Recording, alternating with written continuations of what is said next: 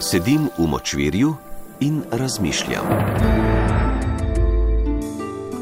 Zapisi iz močvirja.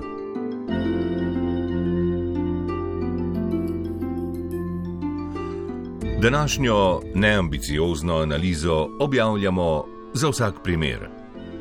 Za vsak primer, če se bo 450 turških delavcev res naselilo v Orehku pri postojni.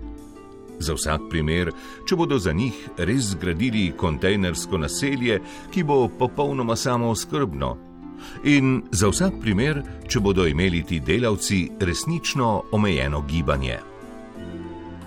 Danes se pri analizi problematike obrnimo neposredno na vladne strukture.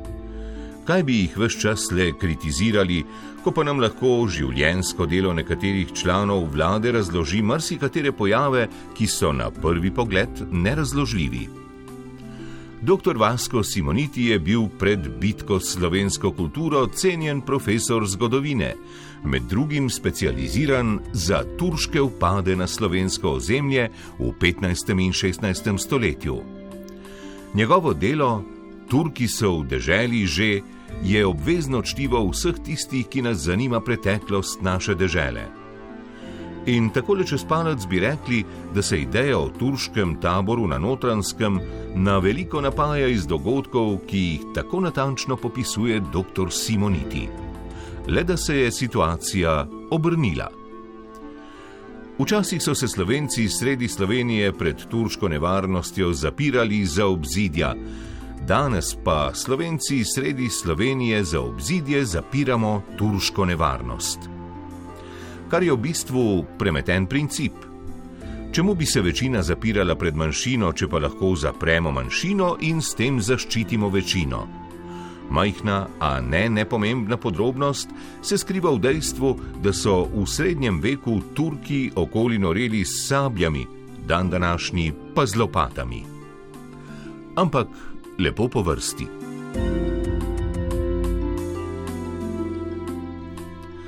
Seveda obstaja težko prikrito nelagodje.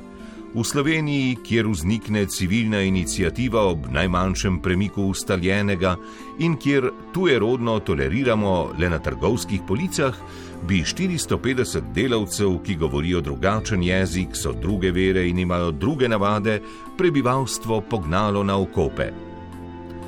To nima nobene povezave z orehkom kjerkoli v Sloveniji bi lokalno prebivalstvo dvignilo glas in kjerkoli v Sloveniji bi se začele občinske strukture nerodno izmotavati.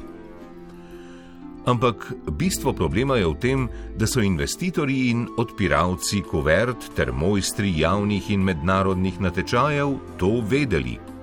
Se pravi, da so bili Turki dobri le toliko časa, dokler so imeli na čelu natisnjeno najnižjo ceno. Čim pa smo jih vse pridne in poceni pripustili na drugi tir, so vrhovni slovenski zidarji na župane prenesli odgovornost medkulturnega dialoga. Le kako bo 450 turških delavcev vplivalo na socialno tkivo lokalnega prebivalstva, ki je v stoletjih od drugih kultur prevzelo le pico, čevape in Oliverja Dragojeviča. Mehanika, ki jo predlagajo občinske strukture, je izjemno zapletena. Varnostno zaščiteno območje, skupinski odhodi po nakupih v 4 km oddaljeno postojno in popolnoma samozadostno kontejnersko naselje, v katerem bo vse, od zdravnika do kuharja, pralnice, trgovine in igrišča. Cinično bi človek dodal, da bo 450 varno zastraženih Turkov imelo vse to, o čemer lahko prebivalci Orehka le sanjajo. Povedano drugače, tudi če bi šli prebivalci Orehka na mesto Turkov kopati tiste predore, niti slučajno ne bi dobili svojega zdravnika, da o pralnici, igrišču in trgovini sploh ne govorimo. Povedano še drugače, Glede na infrastrukturno realnost notranske, je bolj realen udor domačinov k Turkom kot upad Turkov na notransko. Gradbeni rasizem, ki je v svoji zgodni fazi na delu v Orehku, ni slovenski unikum. Mojstri te obrti so kitajska gradbena podjetja, ki predvsem po Balkanu širijo vpliv novega svetovnega hegemona. V Podgorici imajo na trasi nove steborne avtoceste kitajski delavci pravo kitajsko mesto, ki je absolutno ločeno od črnogorskega vsakdana. Na Hrvaškem pa graditelji Pelješkega mostu živijo kar na ladjah. Ali gre pri kitajskih gradbenih podjetjih za rasizem investitorja ali za sistemski rasizem izvajalcev samih, je težko presoditi. Zagotovo pa razumen človek ne vidi nobenih razlogov, da v podobno izoliranem naselju živijo turški delavci med gradnjo slovenskega drugega tira.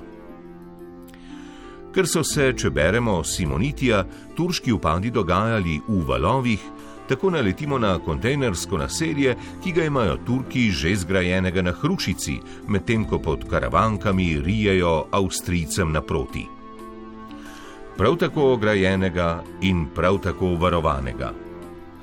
Ampak, če hočemo dokazati, da gre pri getoiziranju turških delavcev za rasizem, moramo narediti račun s preizkusom.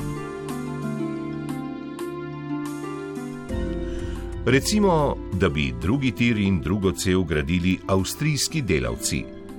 Barakarsko naselje ne bi bilo ograjeno, ob njem pa bi postavili duty free štekami cigaret, frizerje, zobozdravnike in gostinski obrat z Dunajci, ki gledajo preko krožnika. Recimo, da bi drugo cel in drugi tir gradili italijanski delavci. Barakarsko naselje ne bi bilo ograjeno, ob njem bi zrasla igralnica, hiša užitkov in 120 telefonskih govorilnic. Recimo, da bi drugo cel gradilo bosansko podjetje Euroasfalt, ki je dobilo dela na odseku avtoceste do Gruškovja. Barakarsko naselje bi ogradili, določili bi uradne ure za obiske slovenskih sorodnikov, na jamborih pa bi vihrale zastave vseh treh entitet.